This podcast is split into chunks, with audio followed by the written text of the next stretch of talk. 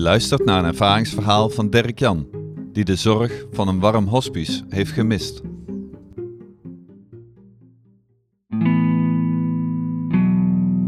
Het is zaterdagmorgen. Ik zit naast het bed van Henk. Ik voel me alleen. De vrouw van Henk zit in de kamer ernaast.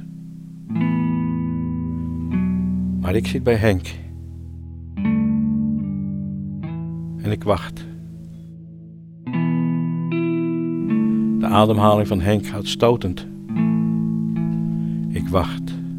En ik voel me heel alleen.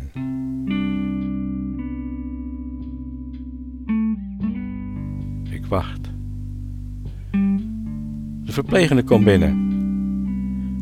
Zouden we de kinderen niet roepen? Nou, dat hoeft nog niet. Hij is wel vaker zo geweest. En dan komt hij er toch weer bovenop.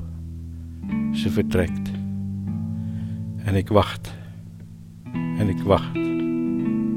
En ik bel de jongste zoon. Jullie moeten komen. En ik wacht. En na een half uur komt de jongste zoon. En na vijf minuten is vader overleden.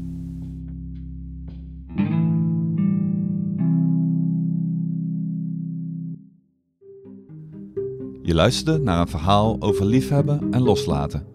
De stichting Hospice Altena, Meizo en Thebe zijn de verteller dankbaar voor het delen van deze ervaring.